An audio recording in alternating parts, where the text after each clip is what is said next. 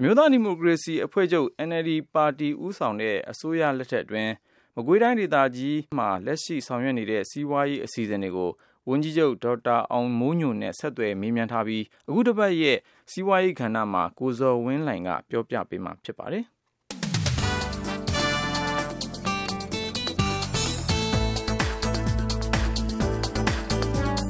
တိုင်းပြည်အာဏာလွှဲပြောင်းရယူခဲ့တာတက်တန်းတလခွဲလောက်သာ ရှိသေးတဲ့ NLD အစိုးရလက်ထက်အတွင်း ဝန်ကြီးဌာနအလိုက်၊ကဏ္ဍအလိုက် ရက် ၁၀၀ စီမံကိန်းတွေ ချမှတ် အကောင်အထည်ဖော်နေတာမှာ မကွေးတိုင်းဒေသကြီးအတွင်း လက်ရှိ ဆောင်ရွက်နေတဲ့ စီးပွားရေးဆိုင်ရာ စီမံကိန်းတွေနဲ့ ပတ်သက်လို့ မေးကြည့်တဲ့အခါ လယ်ယာစိုက်ပျိုးရေးကဏ္ဍ မြှင့်တင်ရေးအတွက် လုပ်ဆောင်နေတဲ့ အခြေအနေတွေကို ဝန်ကြီးချုပ် ဒေါက်တာအောင်မိုးညိုက အခုလို စပြောပြပါတယ်။“ကျနော်တို့ ၂၀၁၆-၂၀၁၇ အတွက်ညဈေးရောင်ကျေးရွာစီမံကိန်းကို လုပ်နေတာရှိတယ်။ဒီဟာလယ်ယာစိုက်ပျိုးရေး၊မွေးမြူရေးနဲ့ ကျေးလက်ဒေသဖွံ့ဖြိုးရေး ဦးစီးဌာနအောက်မှာ။ အဲဒါမကွေးတိုင်းထဲမှာ၁၆၅ရွာလုပ်မယ်ဆိုတာတွေရှိတယ်။မြဈေးရောင်စီမံကိန်းအတွက်ပိုက်ဆံရှိတာပေါ့။တစ်ရွာမှာသိန်း၃၀၀သိန်း၃၀၀ရှိပြီးတော့မှသူတို့ကြိုးပမ်းဆောင်ရွက်ကြတာ။အဲဒီ၁၆၅ရွာမှာဘာတွေလုပ်နေတာလဲကျနော်အဲဒါတွေကိုကျနော်စုံစမ်းထားပါတယ်။မေးမြန်းထားပါတယ်။လောလောဆယ်ကတော့အဲဒါမသိရသေးပါဘူး။ဘာလုပ်မယ်ဆိုတာ။တချို့ရွာတွေကျတော့လည်းပဲဒီမှာနိုင်ငံတော်အစိုးရကတစ်ရွာကိုမြဈေးရောင်စီမံကိန်းအတွက်ကိုသိန်း၃၀၀ချေးငွေထောက်ပံ့တယ်လို့သိရတယ်။ပိုက်ဆံချေးချင်တယ်။အဲဒါတွေကိုကျနော်တို့ချေးနိုင်အောင် ဆောင်ရွက်ပေးပါဆိုတာမျိုးရွာတွေကတောင်းဆိုတာတွေရှိတယ်။အဲဒါဆိုလို့ရှိရင်လည်းကျနော်ကတယောက်တည်းအနေနဲ့တော့ဆုံးဖြတ်လို့မရဘူး။ Cabinet မှာကျနော်တင်ပြပြီးတော့မှချေးနိုင်ရင်ချေးချင်ပါတယ်။ဒီမှာလည်းပဲရွာသူရွာသားတွေကလက်မှတ်ထိုးပြီးတော့ငွေကြေးထောက်ပံ့ပါ။စားဝတ်နေရေးကျပ်တည်းတဲ့အတွက်သူတို့ပြန်လည်းဆပ်မယ်ပေါ့နော်။အဲလိုပြောတာလေးတွေရှိတယ်။အဲဒါကိုဆောင်ရွက်ဖို့တော့ကျနော် Cabinet မှာတင်ပြထားတာရှိတယ်။ဥပမာအားဖြင့်မင်းဘူးစကုမြို့နယ်ကမင်းဘူးစကုမြို့နယ်ဆင်ကောင်းကျေးရွာရယ်နောက်တခါကုန်းသာကျေးရွာရယ်အဲဒီရွာနှစ်ရွာကငွေသိန်း၃၀၀ချေးပါဆိုတာလေးတွေရှိတယ်။ ချေးချင်တယ်ပေါ့အဲဒါတွေကျနော်တို့ကတတ်နိုင်သမျှပြန်ပြီးတော့ Cabinet မှာတင်ထားတယ်။”ဖွံ့ဖြိုးရေးနဲ့ဆိုင်တဲ့လုပ်ငန်းတွေမှာအရင်အစိုးရလက်ထက်အတွင်းအုပ်ချုပ်ရေးပိုင်းမှာအားနည်းချက်တွေရှိခဲ့တာတွေကိုလိုက်လံပြင်ဆင်ဖြေရှင်းရတာတွေကိုလည်းဒေါက်တာအောင်မိုးညိုကအခုလိုဆက်ရှင်းပြပါတယ်။“တချို့ဆိုလို့ရှိရင်လည်းပဲ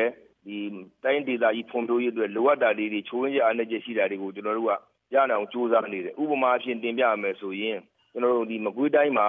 ဆည်မြောင်းနှင့်ရေအသုံးချမှုစီမံခန့်ခွဲရေးဦးစီးဌာနက ကောက်ခံတယ်။ရေကုန်စည်းကြပ်တယ်ပေါ့နော်။အဲဒီမှာမကွေးတိုင်းမှာရစရာရှိတဲ့ကျပ်ငွေသန်းပေါင်း၄ထောင်4ဘီလီယံပေါ့နော်။နည်းတဲ့ငွေတွေမဟုတ်ဘူး။အဲဒါကိုအကြွေးကျန်နေတယ်။မရသေးဘူး။ဘာကြောင့်အကြွေးကျန်ရတာတုန်းဆိုစုံစမ်းကြည့်တော့ကာအဲလိုမျိုးရေကုန်မှာမဆောင်ရင်မဆောင်တဲ့အတွက်ကြောင့်အရေးယူအပြစ်ပေးဖို့ဥပဒေမရှိဘူးတဲ့။မြေခွန်ပေးရတယ်ဆိုလို့ရှိရင်မြေခွန်မှာမဆောင်ရင်ပထမတဆင့်ဘာလုပ်ဒုတိယတဆင့်ဘာလုပ်အဲဒါမျိုး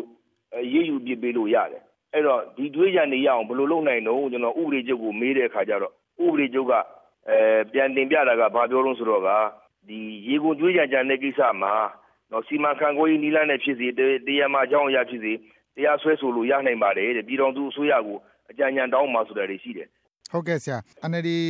အစိုးရကိုယ်တိုင်ရဲ့စီမံကိန်းထဲမှာလည်းလယ်ယာစိုက်ပျိုးရေးကဏ္ဍကိုမြှင့်တင်ဖို့အတွက်ဆိုတဲ့သူတို့စီမံကိန်းချထားတာပါပါတယ်။ဆိုတော့အဲဒီနေရာမှာအခုမြဈေးရောင်စီမံကိန်းလိုမျိုးဆရာတို့ဒေသအတွင်းမှာဖော်ဆောင်နေတဲ့စီမံကိန်းတွေဟာဗဟိုအစိုးရနဲ့တိုင်ပင်ပြီးတော့လယ်ယာစိုက်ပျိုးရေးကဏ္ဍမြှင့်တင်ရေးအတွက်လုပ်ဆောင်ကြတဲ့အစီအစဉ်ရဲ့တစိတ်တပိုင်းလားဆရာ။အဲဒီတော့ဟုတ်ပါတယ်။အဲဒီအစီအစဉ်ရဲ့တပိုင်းပါ။ဟုတ်ပါတယ်။ ဟုတ်ကဲ့ဆရာ။ဆိုတော့စိုက်ပျိုးရေးကဏ္ဍကိုဆရာတို့ကတော့အခုလောလောဆယ်မှာတော့စောစောကဆရာပြောသလိုအခုမှအာဏာကိုရယူတာလည်းတစ်လလောက်ပဲအချိန်ကရှိသေးတော့လောလောဆယ်ရှိထားတဲ့စီမံကိန်းအနေအထားအရဆိုရင်ဆရာ့ခေါင်းထဲမှာရှိသလောက်ဆိုရင်တော့စိုက်ပျိုးရေးကိုတော့ဆရာတို့စပြီးတော့ဦးစားပေးလုပ်နေပြီလို့ကျနော်တို့ပြောလို့ရတယ်ပေါ့။ဟုတ်ကဲ့ခင်ဗျ။ဒီကြားထဲမှာလည်းပဲပုံမှန်အစိုးရဆောင်ရွက်ဖို့လုပ်နေရတာတွေရှိသလို နောက်ပိုင်းကတည်းပြီးတော့ဆုံးရှုံးတာနစ်နာတာမတရားတာတွေကိုလည်းပဲပြီးခဲ့တဲ့အရှုပ်ထုကြီးဖြေရတာတွေလည်းရှိတာပေါ့ဗျာ။ဥပမာအားဖြင့်ပြောရမယ်ဆိုလို့ရှိရင်ဧရာဝတီဒေသပခုက္ကူဆောက်တယ်။ပခုက္ကူဆောက်တဲ့အခါမှာဆိုလို့ရှိရင်ရွာတွေမှာဥပမာအားဖြင့်ပြောရမယ်ဆိုရင်ကုက္ကိုလှတို့၊သင်္ဘောကုန်းတို့၊မယ်သလီတန်းတို့ကအဲဒီကတောင်သူ၃၁ယောက်ကဒီတံတားဆောက်တဲ့အချိန်မှာသူတို့လုပ်ကိုင်ထားတာတွေသပြေစိုက်တယ်၊နှင်းဆီစိုက်တယ်၊ကြက်သွန်၊မြေပဲ၊ငရုတ်ပဲအမျိုးစုံပျက်စီးသွားတယ်။အဲဒါတွေကိုအခုထိလျော်ကြေးမရသေးဘူး။ အဲဒီလျော်ကြေးပေးပါဆိုတာတွေတောင်းနေရတယ်အခု။မတရားတာတွေကတော့ရှိတာပေါ့။ဥပမာအားဖြင့်အရင်လည်းကျနော်ပြောခဲ့ဖူးပါတယ်။ဒီမှာ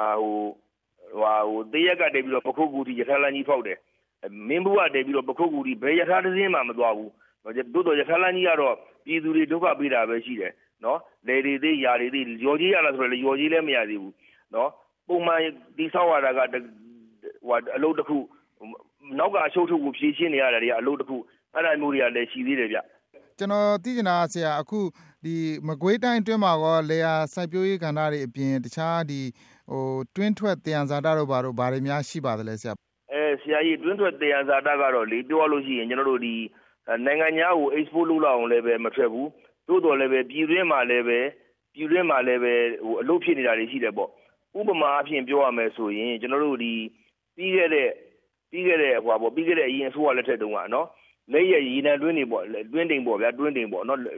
ဆယ်ရနေရာကြီးတွေတဲ့လောက်ရတော့မယ်တွင်းတိမ်မှာတူးတဲ့ရည်နံနေရတယ်အဲ့ဒီရည်နံတွေကိုမကွေးတဲ့တည်ပြီးတော့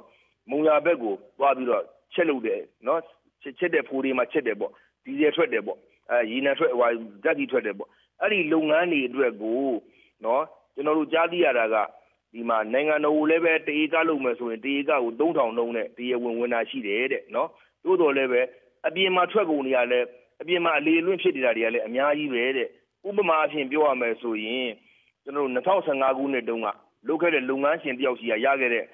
ဟိုစီးရင်စရာတွေအရဆိုလို့ရှိရင်နိုင်ငံတော်ဘတ်ဂျက်ကိုဝင်သွားတာနိုင်ငံတော်ကိုအခွန်အတုပ်ဖြစ်တရားဝင်ဝင်သွားတာဒီ2015ခုနှစ်မှာ